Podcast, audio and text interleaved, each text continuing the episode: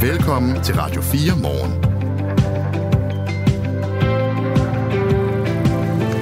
Lige før nyhederne, der taler vi med en lokal politiker fra Aarhus, som har valgt at øh, træde ud af det, der hedder tvangsfjernelses udvalget, fordi hun synes, det var for hårdt at være med, når øh, det skal besluttes, om børn skal tvangsfjernes fra deres mor og far. Og den beslutning, den kan en advokat, der er ekspert inden for det her område, sagtens forstå. Hende kan I høre om cirka 10 minutter. Danskernes gæld til det offentlige er blevet for stor, og derfor så har regeringen med et bredt flertal i ryggen strammet grebet om offentlige skyldnere på flere forskellige områder. Men systemet er altså nu blevet for rigidt, mener brancheorganisationen Danske Skatteadvokater.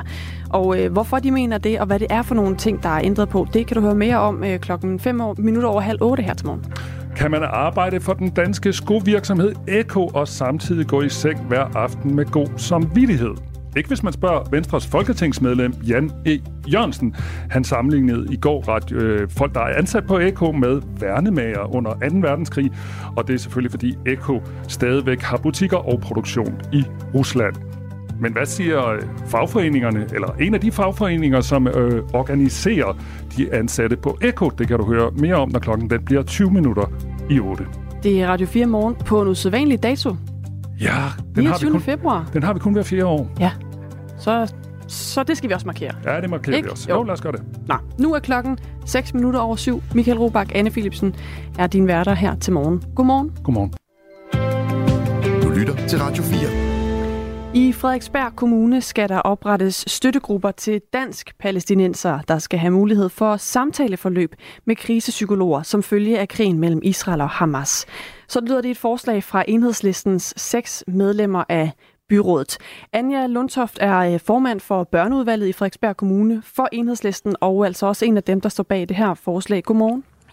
Godmorgen. Et forslag, hvor I hverken jævner, nævner øh, jøder eller israelere. Hvorfor egentlig ikke det?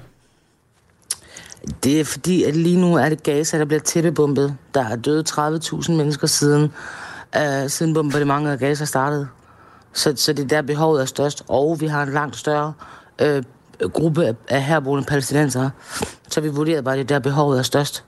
Mener I ikke, at der er nogen øh, jøder eller israeler i kommunen, som også kunne have brug for den her type hjælp? Det er der sikkert. Men dem har I Det er- ikke planer om at hjælpe? Jo, hvis der er nogen, der stiller det forslag, så stemmer vi ikke imod. Men I stiller ikke selv forslaget? Det er ikke det, vi har stillet i hvert fald. Okay. Vi skal invitere en stemme mere ind i debatten her, nemlig dig, Nikolaj Bø. Godmorgen. Godmorgen. Rådmand i Frederiksberg Kommune for de konservative. Det er ikke alle, der har taget mod det her øh, forslag fra enhedslisten med kysshånd, og du er en af dem, der ikke synes, at det er en øh, specielt god idé. Hvad er det, du mener om det her forslag? Jamen det, det jeg mener om det, det er jo, at det er utrolig ensidigt, at, øh, at vi som kommune skulle på den her måde engagere os i den, den ene, på den ene side i en konflikt i Mellemøsten. Og det er jo det, der er tale om. Altså når man decideret taler kun om de civile ofre i, i Gaza på Vestbreden, så, øh, så tager man jo stilling i konflikten, og det er jo ikke vores opgave som kommuner at gøre, og det, det gør vi jo heller ikke på alle mulige andre områder. Anja Lundtoft, tager I parti her med det her forslag? Det, det, det tror jeg, da vi gør. Øh, jeg tror ikke, at det er nogen hemmelighed, at enhedslisten altid har været dybt bekymret for palæstinensernes rettigheder. Øhm, og i øvrigt så går mit fjerde ben af forslaget på, at de civile liv, der er gået tabt i krigen i Gaza og de besatte områder, det vil sige også, øh, der hvor angrebet fra Hamas blev udført, det er jo også et besat område. Så det er også de civile liv, vi gerne vil holde et minut stillhed for. Hvad siger du til det, Nikolaj Bøg? Altså, øh, det er helt åbenlyst. Ja, der øh, bliver taget stilling her fra Enhedslisten, som jo er et politisk parti. Hvorfor er det ikke okay? Jamen, det er jo ikke nogen kommunal opgave at tage stilling i, øh, i sådan en, en øh, konflikt som, som den her. Altså, vi fører jo ikke udenrigspolitik, hverken her eller på alle mulige andre områder. Og derudover så er jeg jo fundamentalt øh, fuldstændig uenig med enhedslisten i, at vi skal øh, engagere os på palæstinensisk side. Altså, den her konflikt startede jo med et øh, bestialsk terrorangreb på Israel, som Anja Lundtoft så åbenbart mener er et besat område, som man må forstå hende. Det er jo i sig selv øh, grotesk. Øh, og, øh, og det er da klart, at, øh, at, at når, man, når man bliver angrebet, så er man nødt til at forsvare sig, og naturligvis vil vi jo ikke på nogen måde tage, tage parti for, for dem, der, der forsvarer sig og forsøger at, øh, at, sikre, at Hamas ikke kan, øh, kan udføre sådan en terrorangreb en anden gang. Men det, som øh, enhedslisten øh, foreslår her, er jo øh, dansk palæstinenser, og, øh, og dansk palæstinenser er jo ikke ensbetydende med medlemmer af Hamas eller Hamas-sympatisører, ligesom at øh, mange af de fordrevne øh, ved Gaza jo heller ikke er ensbetydende med Hamas eller Hamas-sympatisører. Så er det ikke to forskellige ting? Det er jo begge dele, kan man sige, fordi øh, man har den her, det her forslag om, at vi skal øh, have et minut stillhed for, i forhold til, øh, til de civile, men kun i, i Gaza på Vestbreden. I forhold til de herboende palæstinenser, så øh, har jeg lidt svært ved at se behovet. Altså, de er jo ikke øh, direkte påvirket af den her konflikt, og, og selvom de var, så har vi altså ikke tradition for, at vi giver leverer krisepsykologer og støttegrupper til, øh, til nogle mennesker, som er, som er på en eller anden måde berørt af en konflikt meget langt væk fra. fra. Det gør vi jo heller ikke i forhold til øh, ukrainer, eller syrer, eller armenier, eller nogen fra alle de andre brandpunkter, der er i verden, og alle de andre forfærdelige konflikter, som vi oplever rundt omkring. Så, så jeg kan ikke rigtig se, hvad, hvad behovet er. Det er, jo også, øh, det er jo også skævt på den måde, at, at der, hvor den her konflikt har haft en, øh, en direkte indflydelse på, øh, på, på borgerne i Danmark, det er jo, at øh, antisemitismen er, er steget voldsomt. Altså vi ser en, omkring en, en tidobling i antallet af antisemitiske hændelser fra 2022 til 2023, øh, som alene skyldes den her konflikt, altså hvor jøder i Danmark og på Frederiksberg ikke længere kan gå rundt med religiøse symboler eller udøve deres kultur på samme måde, som, øh, som de har været vant til. Så, så det er jo der, man skal sætte ind, altså i forhold til konkrete borgere, der har et, øh, et problem med den her konflikt, hvor, hvor man siger, at der er, der er jøderne dem, som er, som er blevet ramt hårdest af den, og dem, dem som på en eller anden måde er knyttet til den palæstinensiske befolkning, de, øh, de kan jo demonstrere i gaderne og øh, vifte med flag og øh, lave graffiti, det må de så ikke, men det gør de alligevel, og alle mulige ting. Altså de kan på, på alle mulige måder give udtryk for deres synspunkter, udtrykke deres kultur, og det kan jøderne altså ikke. Så derfor skal vi selvfølgelig ikke tage ligesom, den ene part heller ind i den her konflikt. Hvad siger du til det, øh, Anja Lundtoft? Og det var mange ord. Altså, jeg synes jo, hvis der er noget, der er grotesk, så er det jo at tænke, at det her, det startede den 7. oktober. Det tror jeg godt, Nicolai Bøh ved, det ikke gjorde. Altså, at det her, det er, er kulminationen på 75 års besættelse. Det, det tror jeg godt, han ved. Øh, så kan man sige, om, om, om, om Altså, jeg tror også, der er en vigtig skældning, han ikke laver, som netop er mellem jøder og israelere. Jeg har et kæmpestort hjerte for jøder. De skal have lov til på lige fod med alle mulige andre i vores samfund at kunne skilte frit med deres kultur og deres religion. Øh, folk, der går til pro-palæstinensiske demonstrationer, det er også jøder. Sidste gang jeg var til en, der gik jeg sammen med øh, en hel blok af jøder, som var jøder for fred. Så det er altså vigtigt at skelne mellem jøder og israelere. Øh, og, og, øh, og, og det er... Øh, ja, og, og når nu, at, at, at Nikolaj han siger, at jamen, jamen det er jøderne, der ikke kan gå frit på gaden, det er jøderne, der ikke kan, så synes jeg jo, det er ham, der tager parti. Så jeg ved ikke, måske synes han ikke, at det her, det er, at, at det her forslag det er forfærdeligt, fordi det er ensidigt. Det er bare, fordi det ikke er ligesom den gruppe, han holder med. Nikolaj Bøge, det skal du selvfølgelig have lov til at, at svare på. Øhm, altså, øh, hvis nu det her forslag fra Enhedslisten, det havde indeholdt, øh, at der også skulle være øh, mulighed for øh, samtaleforløb med krisepsykologer for, øh, for herboende israelere eller herboende jøder, ville det så have gjort, at du var øh, klar til at stemme for forslaget? Nej, det ville det ikke umiddelbart. Altså, jeg har svært ved at se, at det er en kommunal opgave, og det er ikke noget, som vi har gjort i forhold til nogen som, aldrig, som, nogen som helst andre konflikter eller eller krige i verden. Men det, som jeg taler om i forhold til jøderne, det er jo, hvor er problemet i forhold til konkrete mennesker i Danmark og på Frederiksberg, der er problemet jo, at, øh, at vi har set en stærk stigning i antisemitisme. Men kan ikke, der ikke at, øh, være... At der er øhm, der er traumatiseret. Kan der ikke være uh, herboende palæstinenser, der lige nu uh, har familie uh, i Gaza, øh, for eksempel i Rafah, hvor rigtig mange mennesker er samlet på et sted øh, under nogle forhold, som flere nødhjælpsorganisationer har været ude at sige, er, er virkelig, virkelig kritiske, hvor de udtaler øh, grænsen til hungersnød og lignende. Kan der ikke være mennesker, der, der er pårørende til det, som har brug for, øh, hvis vi skal tale, nu er jeg med på, at du ikke synes, det er en kommunal opgave, men du siger jo samtidig, at du mener, at øh, behovet er større hos, øh, hos de jødiske øh, herboende. Så derfor spørger jeg bare, anerkender du, at der kan være mennesker øh, med palæstinensiske rødder, som har brug for øh, hjælp, eller som også synes, at det er en rigtig svær situation at være i lige nu? Ja, det er der da højst sandsynligt, men jeg mener ikke, det er en kommunal opgave. Og, og som sagt, altså hvis vi skulle gøre noget, så skulle vi jo snarere tage nogle initiativer i forhold til, til antisemitisme, fordi det der problemet er. Er det en kommunal og, øh, opgave? Og der er jo masser. Det, det kunne det sagtens være, fordi Hvorfor? det er, det er konkrete mennesker, det er konkrete mennesker på Frederiksberg, som er, som er udsat for et, altså nogle overgreb fra, fra andre mennesker. Det er svært ved at se, at der er nogen med palæstinensiske rødder på, på Frederiksberg, der er. Det, det kan jeg ikke rigtig se. Altså, at, at, at der foregår noget i Mellemøsten, øh, tusindvis af kilometer fra Frederiksberg, det, det synes jeg sådan set ikke er noget, vi isoleret set skal blande os i, men vi skal blande os, hvis der er konkrete udfordringer for borgere på Frederiksberg. Dem, du hører her til, hører Nikolaj Bøg, der er rådmand i Frederiksberg Kommune for Konservative, og øh, altså med her til morgen i en debat med Anja Lundtoft, der er øh, formand for børneudvalget i kommunen for Enhedslisten, og en af dem, der står bag et nyt forslag fra Enhedslistens medlemmer i byrådet om, at der skal oprettes støttegrupper til dansk palæstinenser med mulighed for samtaleforløb med krisepsykologer, som følge af krigen mellem Israel og Hamas. Anja Lundtoft, øh, det, der øh, er et af argumenterne her fra Nikolaj Bø, er, at, at det også handler om, om der er nogle konkrete tilfælde kommunalt set. Har du hørt om nogen øhm, i Frederiksberg Kommune, altså af, af dansk palæstinenser, der har brug for det her? Ja, de er, de er, altså de palæstinenser, og jeg vil lige sige, bare fordi, at, at Nikolaj Bø ikke ser et problem, så betyder det jo, det, det ikke er der, så er det bare fordi, han ikke har set det. Og ja, jeg har hørt fra palæstinensisk, eller, altså Frederiksbergborg med palæstinensisk baggrund, at, at de er i krise, de er i knæ, de står og ser, at deres familier bliver tæppebumpet. Da, og, når, og når de undviger bomberne, så dør de af sult, eller så dør de, når de bliver amputeret uden bedøvelse. Altså, det er, en, det er et bombardement, det er et, en, ikke en krig ud over det sædvanlige, det her. Men er Fordi det en det- kommunal opgave at gribe ind med øh, krisepsykolog øh, bistand? Ja, det synes jeg, det er. Det er en kommunal opgave at sørge for, at vores, at vores medborgere de har det godt, uanset hvilken baggrund de har.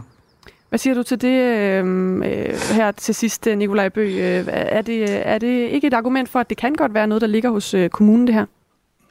Nej, det synes jeg ikke. Altså, vi kan jo få nok at gøre, hvis vi skal stille krisepsykologer og støttegrupper til rådighed for, for alle de mennesker på, på Frederiksberg, som på en eller anden måde har en mere eller mindre øh, tydelig berøring med konflikter rundt omkring i verden. Dem er der jo masser af, desværre. Og, øh, og vi har jo også altså, vi har jo ukrainske flygtninge, som vi øh, modtager, fordi det er en opgave for os som kommune, men faktisk ikke engang der stiller vi øh, de her faciliteter til rådighed. Så derfor det er jo nogle mennesker, som rent faktisk er her. Så, så jeg synes, det, det er at, at skyde helt forbi målet, det her, som, øh, som enhedslisten foreslår. Tak fordi du var med her til morgen, Nikolaj Bø, Velbekomme. rådmand i Frederiksberg Kommune for de konservative. Og også tak til dig, Anja Lundtoft. Selv tak. der er altså formand for børneudvalget i kommunen for Enhedslisten, og en af dem, der står bag det her øh, forslag. Klokken er 18 minutter over syv. Det her er Radio 4 morgen. Det er hårdt for de børn og forældre, der går gennem en tvangsfjernelsesag, men det kan også være hårdt for de menige medlemmer af tvangsfjernelsesudvalget, der i første instans er med til at beslutte, hvis et barn ikke længere skal bo sammen med mor og far. Det viser en sag fra Aarhus. Her har den 25-årige Mathilde Hjort Bressum, der er kommunalpolitiker for Venstre, kastet håndklædet i ringen og er trådt ud af kommunens tvangsfjernelsesudvalg. Jeg blev øh, valgt ind som, øh, som øh, byrådsmedlem tilbage i januar 2022, og i den forbindelse så blev øh, jeg anden suppleant for tvangsfjernelsesudvalget, og her har jeg siddet med i en, i en håndfuld sager. Det er altså meget, meget ulykkelige og hjerteskærende sager. Jeg tror, man skal have et, et hjerte af sten for ikke at blive berørt af dem. Og jeg kunne mærke, at jeg blev personligt berørt af rigtig mange af sagerne, og det vurderede jeg, at det påvirkede min dømmekraft i udvalget, og derfor der har jeg valgt at øh, give stafetten videre til en kollega, som øh, brænder for udvalget mere end jeg. jeg. Jeg skal ikke sidde og tvangsfjerne børn, men øh, jeg skal føre politik i stedet for. Så det er derfor, jeg har, har trukket mig for udvalget. Og den her beslutning, den kan Janette Gjørt godt forstå. Hun er advokat med speciale i tvangsfjernelsessager hos Dage Advokater. Godmorgen og tak fordi du kom. Godmorgen. Hvad er det, der gør, at du godt kan forstå, at øh, politikeren her, Mathilde Hjort Bressum, ikke kan rumme at sidde i øh, Aarhus Kommunes tvangsfjernelsesudvalg? Jamen, det er jo, som hun øh, forklarer, nogle utrolig hårde sager. Øh, nogle familier, som, øh, hvor man er i gang med at foretage de ultimative indgreb, øh, og simpelthen øh, ja, fjerne børnene fra, øh, fra deres forældre. Så det forstår jeg sådan set godt. Øh, også at det, hun fortæller, at det er, ja, det er ekstremt hårde. Mm. Øh, Ja. Men det er selvfølgelig hjerteskærende sager, det tror vi alle sammen kan forstå. Men nogen skal jo træffe de her afgørelser, hvis et barn for eksempel er udsat for misbrug eller vold eller mistrivsel i det hele taget. Så det kommer vi vel ikke udenom. Øh, nej, øh, og det er også helt korrekt, at der er nogle, øh, nogle enkelte børn, som er udsat for vold og misbrug, men det er jo ikke størstedelen af sagerne. Størstedelen af sagerne er nogle, man kan sige, sådan nogle øh, grænsesager, hvor øh, forældrene måske er blevet beskyldt for ikke at kunne mentalisere korrekt, eller øh, barnet er i øh, mistrivsel på anden måde. Og det er jo øh, langt størstedelen af sagerne, og der hvor der også skal træffes beslutning, for jeg tror, vi alle sammen er enige om, at hvis et barn øh, er udsat for vold eller misbrug, så skal der ske en anbringelse. Men det er altså øh, meget, meget få øh, af sagerne, øh, hvor størstedelen, det er jo nogle helt andre historier. Mm. Jeg tager lige en faktaboks om de her tvangsfjernelsesudvalg. De findes i alle landets kommuner, og to øh, med, af medlemmerne er valgt blandt kommunalbestyrelsen øh, medlemmer, og der er også en dommer med, og to pædagogisk-psykologisk sagkyndige, som det hedder og det er forvaltningen, der beslutter, om en sag skal forelægges for børn- og ungeudvalget, og det er forvaltningen, der også sørger for, at sagens akter samt en indstilling om sagens afgørelse, altså øh, det her materiale, der følger med, øh, hvorvidt øh, øh, det her udvalg, hvilken afgørelse de skal træffe. Og lige nu der har vi besøg af Sinette Gjørt, der er advokat med speciale i tvangsfjernelsessager. Synes du egentlig, at de her tvangsfjernelsesudvalg er skruet forkert sammen? Altså, jeg tror, det vi med rette kan drøfte, det er, om hele processen er skruet øh, korrekt sammen, og her i også i forhold til øh, sammensætning af børn- og ungeudvalget. Det er sådan med en anbringelse, de skal prøves, øh, man kan sige enten hvert år eller øh, hver andet år. Og der er det altså også det samme udvalg, som vurderer, som i første omgang har udvalg på øh, familien. Øhm, derudover så kan man sige, at den prøvelse, der sker i et børn- og ungeudvalg, for jeg øh, synes sådan set, det, at der er en dommer og nogle pædagogiske sagkyndige og nogle øh, menige medlemmer, det er egentlig en fin sammensætning. Men selve prøvelsen af, øh, man kan sige, øh, kommunens grundlag, den er meget, meget overfladisk. Øh, og som du selv lige nævnte, så, går, øh, så det er kommunen, der belyser sagen. Det vil sige, at der kan være en række fejl, øh, som kommunen har begået, og det bliver altså ikke prøvet i børne- og ungeudvalget. Det vil sige, at jeg står tilbage med nogle forældre, som føler, at hele, man kan sige, øh, forvaltningens, øh, man kan sige, øh, indstilling og, og det, deres holdning er, det bliver lagt sådan mere eller mindre ukritisk øh, til grund. Så det er egentlig det, som jeg synes, vi ret kan drøfte, om det er, det er en rigtig proces. Nu har vi jo ikke nogen fra kommunerne med her, så jeg skal jo sige, det er jo så din udlægning af det. Jeg er sikker er på, at hvis vi spurgte kommunerne, så vil de sikkert sige, at de her sager er fuldt belyst og øh, øh, behandlet på alle øh, gode måder. Øhm, og vi taler altså med Jeanette Gørt, der er advokat med speciale i tvangsfjernelsessager. Så bare lige for at slå fast, du synes sådan set, det er en god idé, at der sidder politikere med i de her udvalg. Også selvom det, som vi hørte her, kan være hårdt for nogen at sidde og træffe afgørelser i de her sager. Ja, fordi de udgør jo, man kan sige, øh, man kan sige almindelige mennesker. Det ser vi jo også i strafferetten, hvor øh, man har øh, domsmænd med til øh, at vurdere. Så, øh, så i udgangspunktet, øh, ja, så er jeg sådan set, øh, man kan sige, øh, enig i, at der skal sidde, man kan sige, almindelige mennesker. Men lige i øjeblikket, der sker der jo også en politisk øh, diskussion, øh, også helt inde på Christiansborg, i forhold til, at vi har oplevet, at der er sket en række fejl på området, og hvad skal vi gøre ved det? Og her oplever jeg også, at det kan man også være farvet af ind i udvalgene, alt afhængig af partifarve. Øhm, og det er sådan set ikke kun noget, der er min opfattelse, det går sådan helt ind i mine klienter, at de nærmest sådan taler åbenlys om, øh, hvem sidder i udvalgene, og så kan det også være afhængig af udfaldet. Så, øh, så det skaber jo en utryghed. Prøv lige at sige noget mere om det. Altså siger du, at øh, det er sådan, altså partipolitisk har en afgørelse, hvem der sidder i de her udvalg, fordi nogen ligesom vil følge en eller anden linje, som deres moderparti har på Christiansborg? Ja, altså, ja, nej, jeg, jeg siger ikke, at det er, øh, man kan sige, i, øh, at, at det er sket, øh, men, men det, som jeg egentlig prøver at problematisere, det er, at vi, vi kan ofte se, i, øh, når for eksempel vi går i udvalget, og så alt afhængig af, øh, hvem der sidder der, så kan min klienter faktisk sige, jamen, den her politiker er faktisk øh, med mig, jeg har faktisk øh, eventuelt øh, drøftet sagen, og den her politiker vil så gå imod. Og det mener jeg er problematisk, for det skal jo gerne være en, man kan sige, en objektiv prøvelse, og det er faktisk ikke øh, den opfattelse, som øh, klienterne sidder tilbage med. Nu hørte jeg, jeg kan ikke huske, om det er et år eller to siden, eller tre måske endda, at Mette Frederiksen i nytårstale talte om, at vi skal passe bedre på børn, og det kan også betyde flere tvangsfjernelser.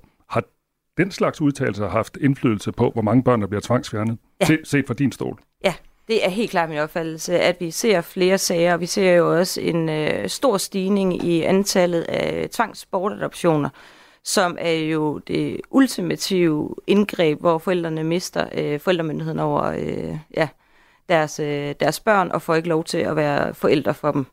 Så der har vi jo set en, øh, en ret stor stigning mm. i, øh, i antallet af dem. Vil du så egentlig ønske, at de her, altså nu kan vi jo sådan sammenligne den med lægdommer, som er med i retssager, som jo sådan på en eller anden måde skal udgøre den sunde fornuft, øh, og så det ikke bare er jurister og eksperter, der sidder og træf, øh, træffer afgørelser. Vil du så egentlig hellere have, at det var ikke politikere, altså for eksempel dem, som også er domsmænd øh, ved retterne, at de sad i de her udvalg, så det var renset for politik?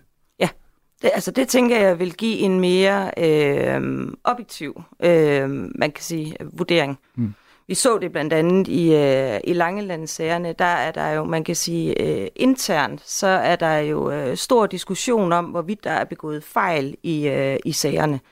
Og der er klienterne altså utrygge ved, når de skal sidde over for et udvalg, over for et, øh, en politiker, som har været ude og udtale, at der ikke er sket fejl i sagerne. Og jeg går jo ind som advokat og påpeger de her fejl, men hvis man nu engang har været i pressen og sige, at man mener ikke, der er begået fejl, så tvivler jeg også på, at man vil dømme efter, at der så er begået fejl. Jeg ved ikke, om, om, om det sådan fremgår tydeligt nok. Så, så det er den utryghed. Så ja, altså min opfattelse er, at man, man kunne med retteskift, man kan sige, øh, ja, de øh, politikerne ud med en eventuelt en liste, hvor man så kunne øh, skrive sig på, hvor det var ja, uafhængigt af det. Nu nævner du Langelands Kommune, hvor der har været nogle sager. Øhm, kan det også være et problem egentlig i sådan i de små kommuner, at folk kender hinanden? Bestemt. Øhm, og den oplevelse, som mine klienter har, altså nogle gange siger de til mig, øhm, Altså, vi kan lige så godt lade være med at gå i øh, udvalget. Nu har jeg sat der måske øh, 6-7 gange, og de lytter jo ikke øh, på, hvad det er, vi siger, selvom vi kan dokumentere den ene fejl efter den anden. Så ja, det er helt klart øh, oplevelsen, at i de mindre kommuner, der er man måske mere tilbøjelig til, også fordi man sidder tæt på forvaltningen, og ligesom bare følge, øh, hvad det er, øh, kommunen de indstiller til, og så øh, lægge vægt på det. Hvor i de store kommuner, der oplever jeg faktisk også, der er en mere kritisk prøvelse i forhold til, øh, til sagerne. Mm. Ja. Tak fordi du kom. Så tak. Altså Jeanette Gjørt, som er advokat med speciale i tvangsfjernelsessager hos Stage Advokater. Og jeg skal lige sætte en promo på. Den kommer her. Mirko øh, siger man gang, at Taylor Swift simpelthen ansat af The Deep State til at lave disinformation, som i sidste ende skal sørge for, at Joe Biden han bliver valgt over Trump. Er der bad blood på højrefløjen i USA, og spænder Kennedy-familiens sorte får ben for Joe Biden? Som ikke falder ned i kaninhuller på nettet. Er det Mission Impossible at sagsøge Scientology? Og er Kevin Spacey for evigt cancelled? De juridiske anklager har haft enorme professionelle konsekvenser. Er de facto blevet cancelled? Only in America er alt det, du kun finder i USA. Jeg har sagt til dig før, Frederik, at hvis man er nødt til at gå i seng, når klokken bliver mange. Lyt med i dag kl. 16.05 her på Radio 4. Og det er den 29. februar, og det er jo altså en dato, som vi kun oplever hver fjerde år, når det er skudår. Og det er det i år. Og den bliver faktisk øh, fejret den her dato mange steder verden over. Øh, Jeg har lige par, taget et par eksempler med, som jeg har læst på en side, der hedder trendsandtravel.dk. Mm-hmm. I den lille by Anthony på grænsen mellem Texas og New Mexico, der er det en selvudnævnt verdenshovedstad for skudår. Okay. Og hver, ja, og hver fjerde år, der samles skudårsbørn fra hele kloden, og det er altså dem, der er født den 29. februar, for at fejre deres sjældne fødselsdag. Og det foregår altså i den her by Anthony. Og byen kvitterer så med at holde en festival, der varer i tre dage og indledes i dag. Nå, Ja. det er da dejligt for mennesker, der er født den 29. februar. De har et sted at samles. Ja, det har de også. Øh, så er der også, du ved godt, der er også noget med, at kvinder må fri her øh, på Ja. den 29. Og så er der sådan en lidt i samme genre. I delstaten øh, Rheinland-Pfalz i det sydvestlige Tyskland, der har man en gammel tradition, hvor forelskede drenge i løbet af natten til den 1. maj må sætte et lille birketræ dekoreret med et bånd foran husdøren hos den pige, de er forelsket i. Men i skudår, okay. som i år, der kan piger gøre det samme. Og det er altså en tradition, der især byrke, øh, dyrkes i den lille by, der hedder Traben Trabak. Et lille birketræ, Ja, så hvis du får et lille birketræ foran din dør i dag, så er det en, der er lidt vild med dig. det er der taget ad notam. Klokken er halv otte. Nu er der nyheder på Radio 4. Over 30.000 er døde i Gaza som følge af den krig, som Israel lancerede efter angrebet fra den militante palæstinensiske bevægelse Hamas den 7. oktober. Det melder de Hamas-kontrollerede sundhedsmyndigheder. I løbet af det seneste døgn har 79 mistet livet ifølge sundhedsmyndighederne. Oplysningen kommer på et tidspunkt, hvor situationen på tværs af Gazastriben i stigende grad er desperat for områdets indbyggere. Nødhjælpsorganisationer melder om akut mangel på mad, drikkevand og medicin. En stor del af Gazastribens befolkning er flygtet til Rafah i det sydlige Gaza. Byen er opholdssted for ca. 1,4 millioner af Gazastribens 2,3 millioner indbyggere, og Israel har varslet en offensiv mod Hamas i byen. Hamas har særligt været i omverdenens sygelys siden angrebet i israelske byer, kibbutzer og en festival 7. oktober sidste år. Her blev 1200 primært civile dræbt, og 240 personer taget som gisler. Omkring 100 holdes fortsat fanget. Tidligere på ugen lød det fra USA's præsident Joe Biden, at han håber på våbenhvile mellem Israel og Hamas med start mandag den 4. marts. En eventuel våbenhvile som den på omtrent en uge tilbage i november er dog stadig ikke formelt aftalt. Repræsentanter fra de palæstinensiske organisationer Hamas og Fatah skal i dag desuden mødes i Ruslands hovedstad Moskva. Her skal de drøfte muligheden for at danne en palæstinensisk enhedsregering.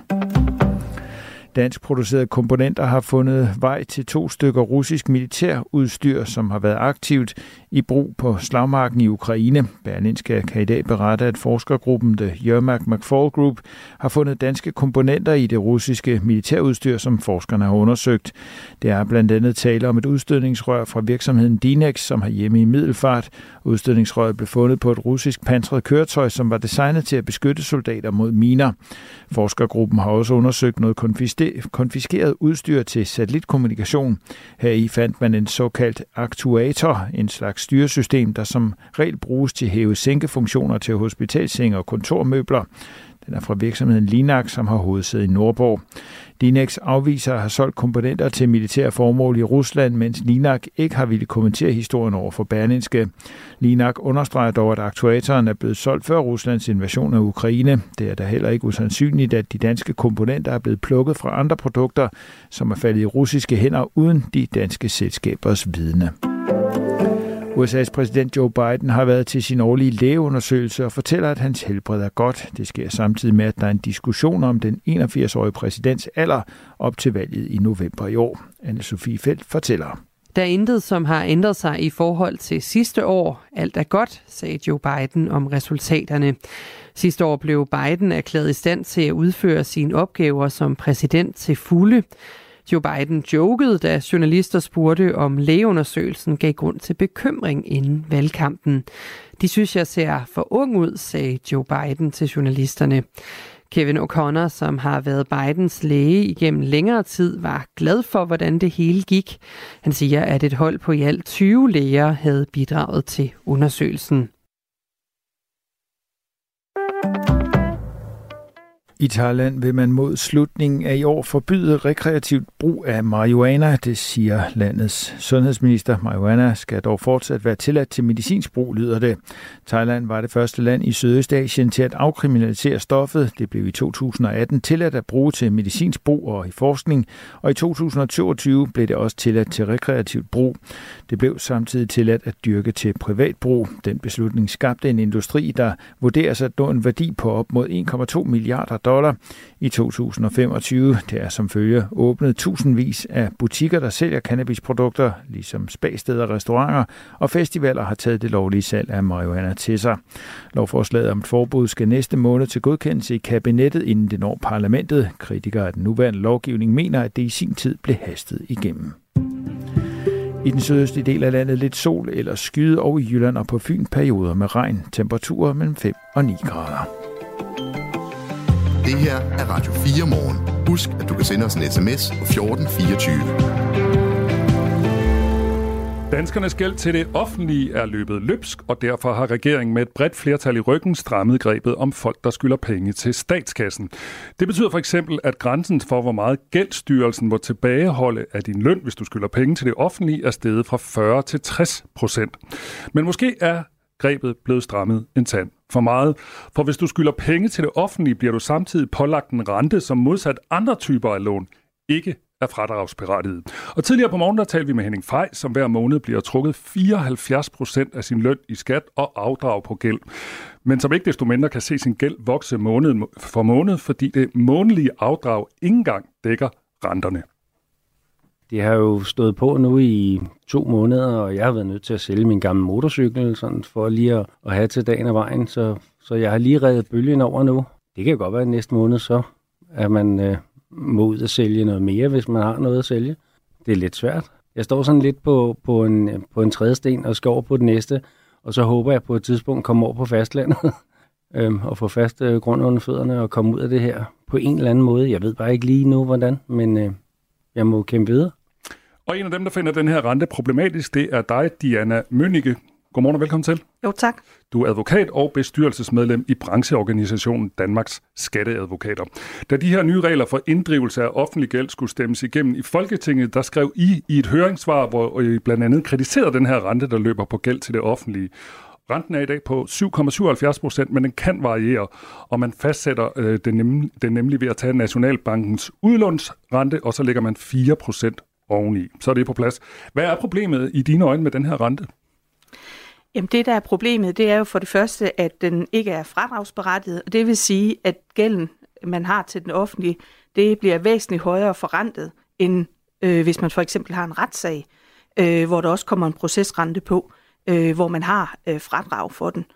Øh, det er en af de øh, problemstillinger, der er. Derudover er der så også den her problemstilling, at når man har indgået en afdragsordning med en skyldner, det kan være uforvaren, man er kommet til at skylde det offentlige gæld, Øh, og der kunne man godt, øh, ligesom øh, private kreditorer ofte gør, hvis man får indgået en afdragsordning, jamen, så kan man godt stoppe rentetilskrivningen. Øh, og det er en hjemmel, som vi egentlig mente, at øh, der burde komme ind, sådan at man kan foretage en konkret individuel vurdering af hver enkelt skyldner. Øh, fordi det er jo meget demotiverende at, at betale mange penge øh, i afdrag, og så bare se, at det her, det kan man aldrig nogensinde komme ud af, fordi gælden bliver ved med at vokse.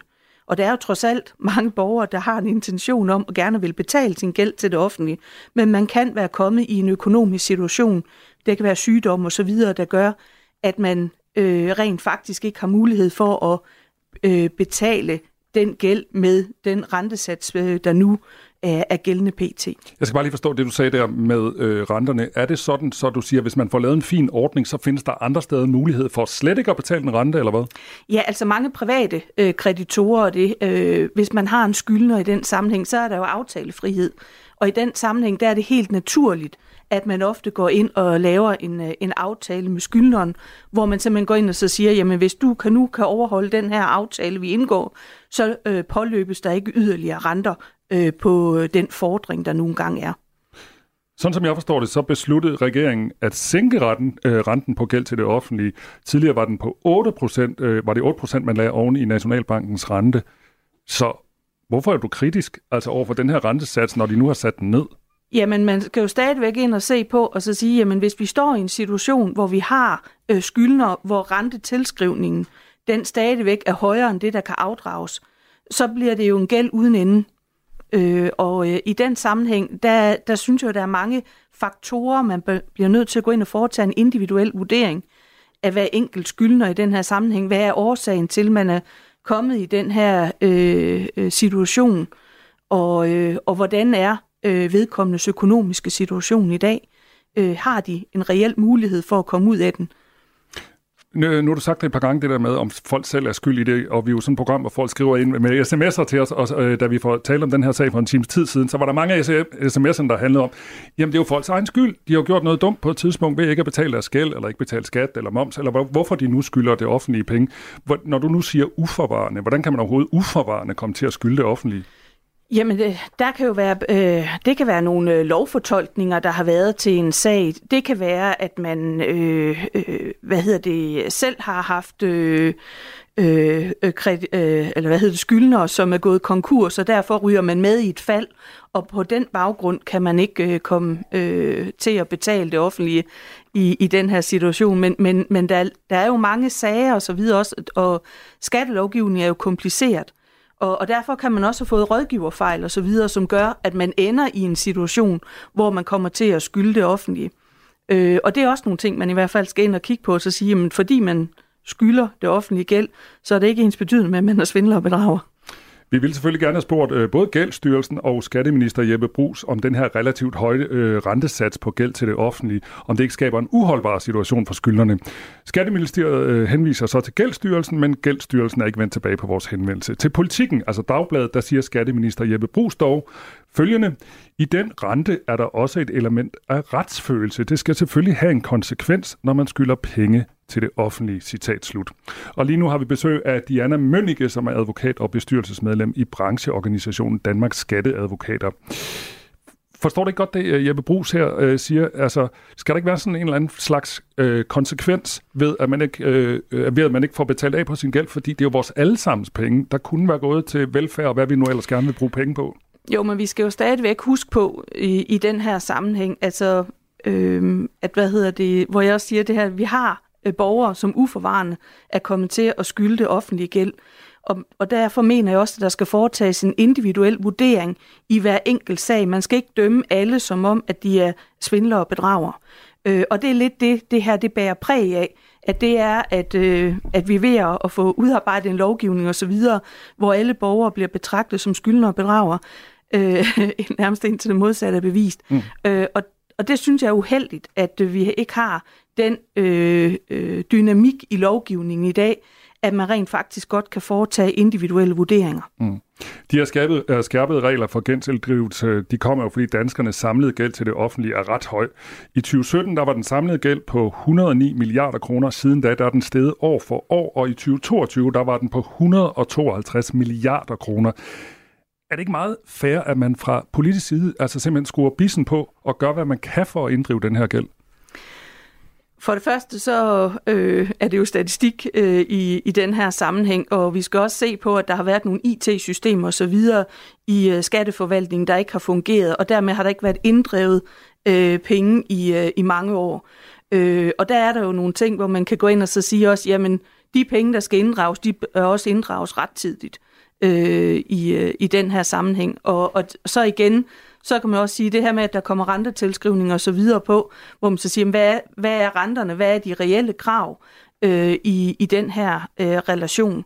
Øh, det skal vi også øh, ind og, og, og se på.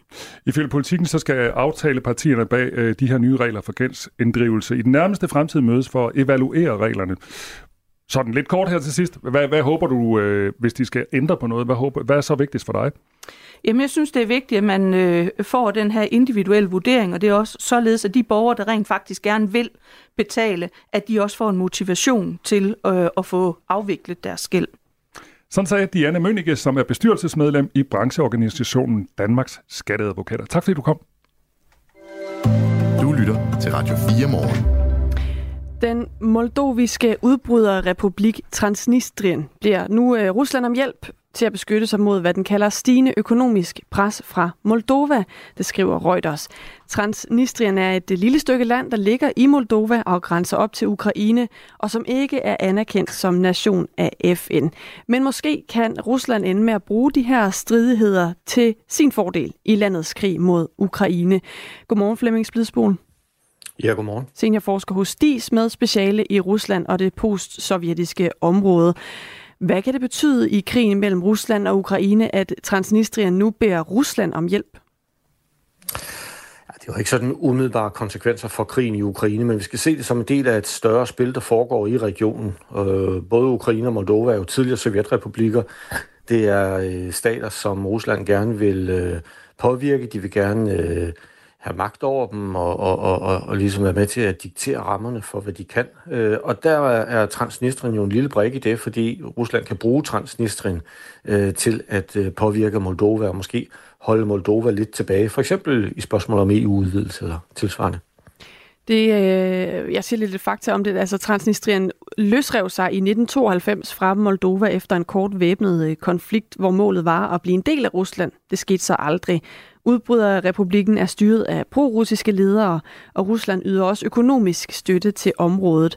Russerne har også omkring 1.500 soldater permanent udstationeret i Transnistrien. Den her øh, melding, der så øh, kommer nu, altså hvor de øh, beder øh, Rusland om hjælp til at beskytte sig mod det, de kalder stigende økonomisk pres fra Moldova. Er det noget, der sådan lige er sket, at de oplever det her pres, eller hvor, hvorfor er timingen øh, i meldingen, som den er? Jeg tænker, at timingen øh, hænger sammen med krigen i Ukraine og, og hele den situation, som jeg beskriver her. Og der er det jo sådan, at Moldova for eksempel sammen med Ukraine jo først fik kandidatstatus i, i, øh, i EU, og så begyndte man jo med optagelsesforhandlinger. Øh, så Moldova er også, øh, ligesom Ukraine, forholdsvis hurtigt væk fra, fra Rusland. Øh, når vi taler om det pres, der er mod det område, øh, Transnistrien, så skal vi huske på jo, som du selv sagde indledningsvis, det er jo en del af Moldova. Altså det er jo en del af Moldova, som har erklæret sig uafhængige, og det har de gjort med russisk støtte. Øh, så russerne er til stede, øh, som du også siger, med soldater omkring 1500. Der er omkring 220.000 russiske statsborgere i Transnistrien, og de har jo fået pas af russerne, blandt andet således, at russerne kan lægge pres på Moldova og sige, at det er vores statsborgere, der bor derinde. Vi er nødt til at komme og beskytte dem, eller hvad det nu skal være. Øh, så, så hele den situation, som, som har udviklet sig blandt andet med øh, jo helt klart, at, at myndighederne i Moldova forsøger at lægge pres på Transnistrien, det er jo det er blandt andet jo også en, et, et forsøg på at få reguleret den økonomi, der er derinde, øh, der ikke foregår smugling, men også at få øh, området i sidste ende inkorporeret i selve Moldova igen, øh, efter de her 32 års øh, forsøg på løsrivelse. Men kan det betyde altså, at hvis, øh, hvis Rusland ligesom kan, kan få øh, Transnistrien indlemmet, vil det så være næste skridt for russerne at se mod Moldova og se, om, om de også kan blive en del af Rusland? Ja, det kunne det godt være. Det ville være meget svært. Det er meget nemmere med, med Transnistrien. Ikke? Som jeg siger, der er allerede 220.000 anslået øh, russiske statsborgere. De er meget pro-russiske, øh, og jo ikke engang det, de er jo nærmest pro-sovjetiske. De vil gerne tilbage til Sovjetunionen. Og Restmoldova er et helt andet sted. Øh, Restmoldova øh, vil gerne væk fra, øh, fra, øh, fra Rusland øh, og, og fra, øh, fra russisk indflydelse. De taler et helt andet sprog. De taler jo romansk. Øh, og, og har slet ikke den samme ønske om det. Så, så det er ikke umuligt, og det er jo i nogle af de scenarier, vi har, der ser vi jo for os, at, at Rusland øh, besætter hele Moldova, eller i hvert fald forsøger at påvirke Moldova så meget, at Moldova vender tilbage til Rusland. Men, men det vil være en anden og, og meget vanskelig opgave end bare med Transnistrien. Tak skal du have, fordi du var med, Flemming Splidsbol. Jamen selv tak da. Seniorforsker hos DIS med speciale i Rusland og i det postsovjetiske område. Klokken er 7.47. På Radio 4 starter ugen om fredagen. Fredag er jo den mest perfekte dag på ugen, fordi der slutter hverdagene, og weekenden begynder. I hvert fald, hvis du spørger Mathias selv. Så hvis man trænger til at lige lægge hverdagen på hylden og gøre sig klar til weekenden, så skal man tænde for Mathias Helds talkshow, fordi der der hygger vi os rigtig meget. Lyt til Mathias Helds talkshow i morgen kl. 13.05. Man kan også være heldig at komme til at grine i løbet af de 55 minutter, programmet varer. Men jeg vil ikke love noget. Kan man arbejde for den danske skovirksomhed Eko og samtidig gå i seng hver aften med god samvittighed? Ikke hvis man spørger Venstres folketingsmedlem Jan E. Jørgensen. Det er en form for værnemageri. Vi er, om ikke sådan reelt i krig mod øh, Rusland, men, men de facto så er det jo noget, der minder om det. Vi sender øh, våben for milliarder af kroner øh, til de ukrainske soldater. Øh, vi frygter, at øh, Rusland øh, måske kan angribe Danmark. Det er derfor, vi øh, vi opruster og bruger mange flere penge på via vores militær, end vi har gjort tidligere. Og at man i den situation ikke kan forstå, at man skal trække sig ud af Rusland, det har jeg øh, virkelig svært ved at forstå. Og Eko har gentagende gange fået kritik for at fastholde produktion og butikker i Rusland, og derfor er det altså heller ikke helt forkert at sammenligne de lidt over 600 danske Eko-medarbejdere i Tønder Kommune med dem, der arbejdede for tyskerne under 2. verdenskrig, mener Janne Jørgensen, der er folketingsmedlem for Venstre. Mette Hø er formand for HK Handel, altså fagforeningen for danskere, der arbejder i butik, på lager eller kontor. Godmorgen. Godmorgen. Hvad synes du om Janne Jørgensens udtalelser? Jamen, jeg synes, at øh, de beslutninger, som Eko har truffet om at drive forretning i Rusland, kan kun ledelsen forholde sig til at stå på mål for. Og derfor mener jeg også, at Jan i Jørgensen rammer helt skævt, når han vælger at trække medarbejderne ind i sagen og ligefrem kalde dem for værnemager. Det bør man, det havde jeg forventet af ham, at øh, holde sig for god til, og det håber jeg også, at andre vælger at gøre. Men har vi ikke alle, altså også enkelte personer, et ansvar for at stoppe med at bidrage til øh, Putins krigsmaskine, som Janne Jørgensen siger? Jamen, jeg synes faktisk, det er en uklædelig måde, at de ansatte bliver stillet til skue på. Det er i min optik aldrig de ansatte, der skal stå på mål for ledelsens beslutninger. Så min opfordring er helt klart, at man skal gå efter bolden, hvis man ønsker at rette en kritik af eko. Og hvad hedder det? Og jeg er ikke den, der skal fælde dom øh, over etisk dom over eko og hvordan de driver forretning. Mit ærne er at beskytte medarbejderne. Og det gør man altså ikke ved at hive dem frem og lave sådan sammenligninger, som Janne Jørgensen gør. Medarbejderne, skal man lige huske på, har i forvejen været udsat meget på grund af Egos forretning i Rusland. Øh, og jeg synes, at man øh, puster til ilden og øh, gør dem potentielt genstand for endnu mere hets, og det vil jeg gerne have mig frabedt. Du siger lige, at medarbejderne har været udsat for meget. Hvad har de været udsat for? Jamen, der har været forretninger, der har været overhældt med maling, og, og der har været demonstrationer uden for, for nogle af forretningerne, så, så medarbejderne ja, har synes det har været ubehageligt at gå på arbejde. Hvordan tror og du? Øh, vi er jo alle sammen ansvarlige for et godt psykisk arbejdsmiljø. Og hvordan tror du så, medarbejderne hos Eko har det med at blive sammenlignet med værnemager? Jamen, det, det tror jeg, man har det meget skidt med. Og det, jeg ikke kan forstå, det er, at Janne Jørgensen sidder som folketingsmedlem for et regeringsparti.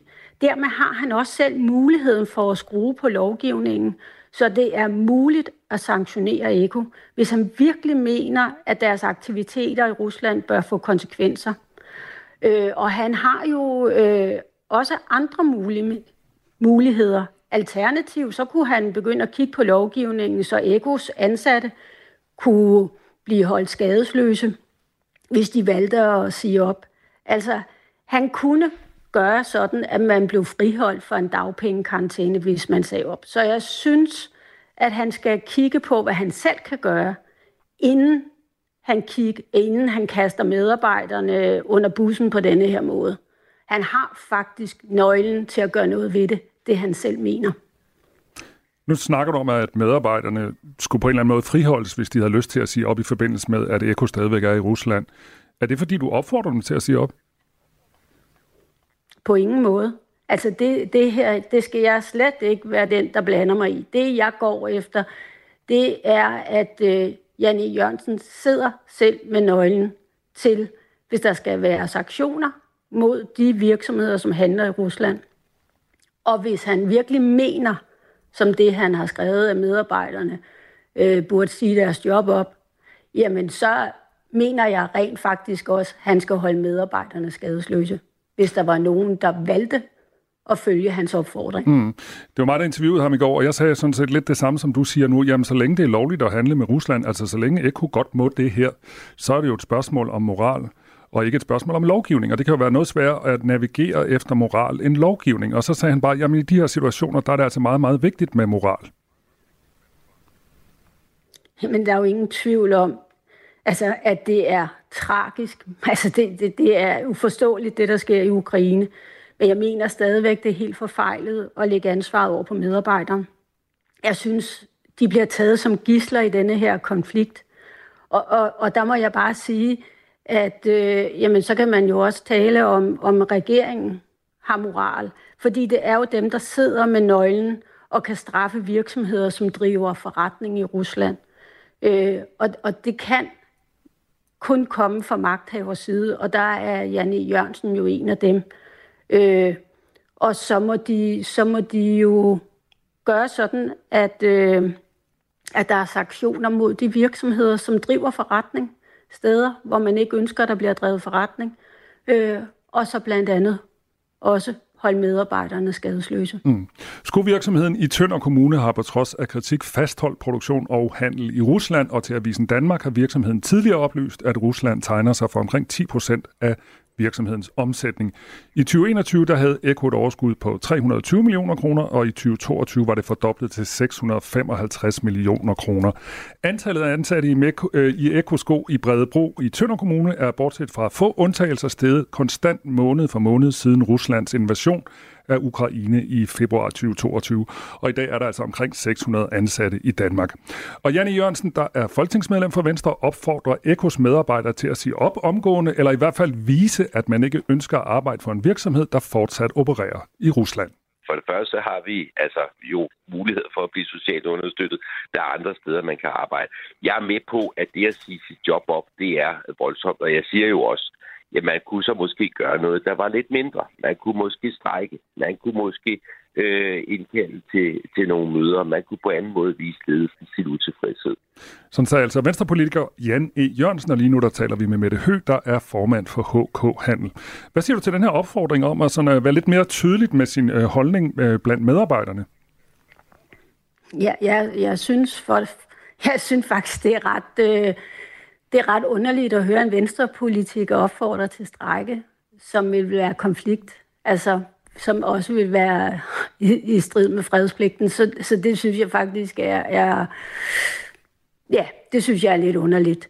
Øh, jeg, jeg må bare sige, det er Ekos ledelse, der har truffet beslutning om at fastholde deres aktiviteter i Rusland. Og derfor er det også ledelsen, og ikke de ansatte, der skal stå på mål for kritikken, der rettes mod Eko.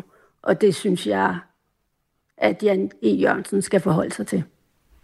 Men jeg synes da egentlig ikke, jeg har set en eneste ekomedarbejder være ude og sige noget som helst kritisk om øh, virksomheden. Kunne der ikke godt være brug for det? Jeg ved ikke, om I har spurgt dem. Altså, Nå, ja, nu- nu- og så må jeg igen sige, altså jeg, jeg, det, det, det har jeg ikke, øh, altså jeg mener stadigvæk, at øh, man skal gå efter bolden, og det er virksomheden. Altså, man kunne jo stille virksomheden det spørgsmål. Så du synes ikke, medarbejdere har nogen forpligtelse til at sige fra, eller sige, at øh, vi synes, det er forkert, at ledelsen stadigvæk er i Mm. Rusland? Men med medarbejderne gør jo ikke noget ulovligt. Jamen, derfor, Medarbejderne derfor kan man jo godt være kritisk over for sin ulovligt. ledelse. Det kan man godt. Det kan man sagtens. Og det kan jeg ikke svare på, om de er. Vi har ikke hørt noget Men- fra dem i hvert fald. Medarbejderne har ikke gjort noget ulovligt, og så synes jeg, man skal gå efter bolden. Og øh, hvis Janne Jørgensen virkelig mener det, han siger, så synes jeg, at han skal øh, hurtigst muligt få kaldt øh, regeringen sammen og få lavet nogle sanktioner, hvis han mener det. Og så skal han sikre, at øh, medarbejderne bliver holdt skadesløse. Mette Høgh er formand for HK Handel. Tak fordi du var med her. Selv tak. Eko skriver i en mail, at de ikke har noget tilføje, og derfor ikke ønsker at stille op til interview. Og vi har også spurgt øh, Venstre, om Janne Jørgensens holdning er udtryk for Venstres officielle linje.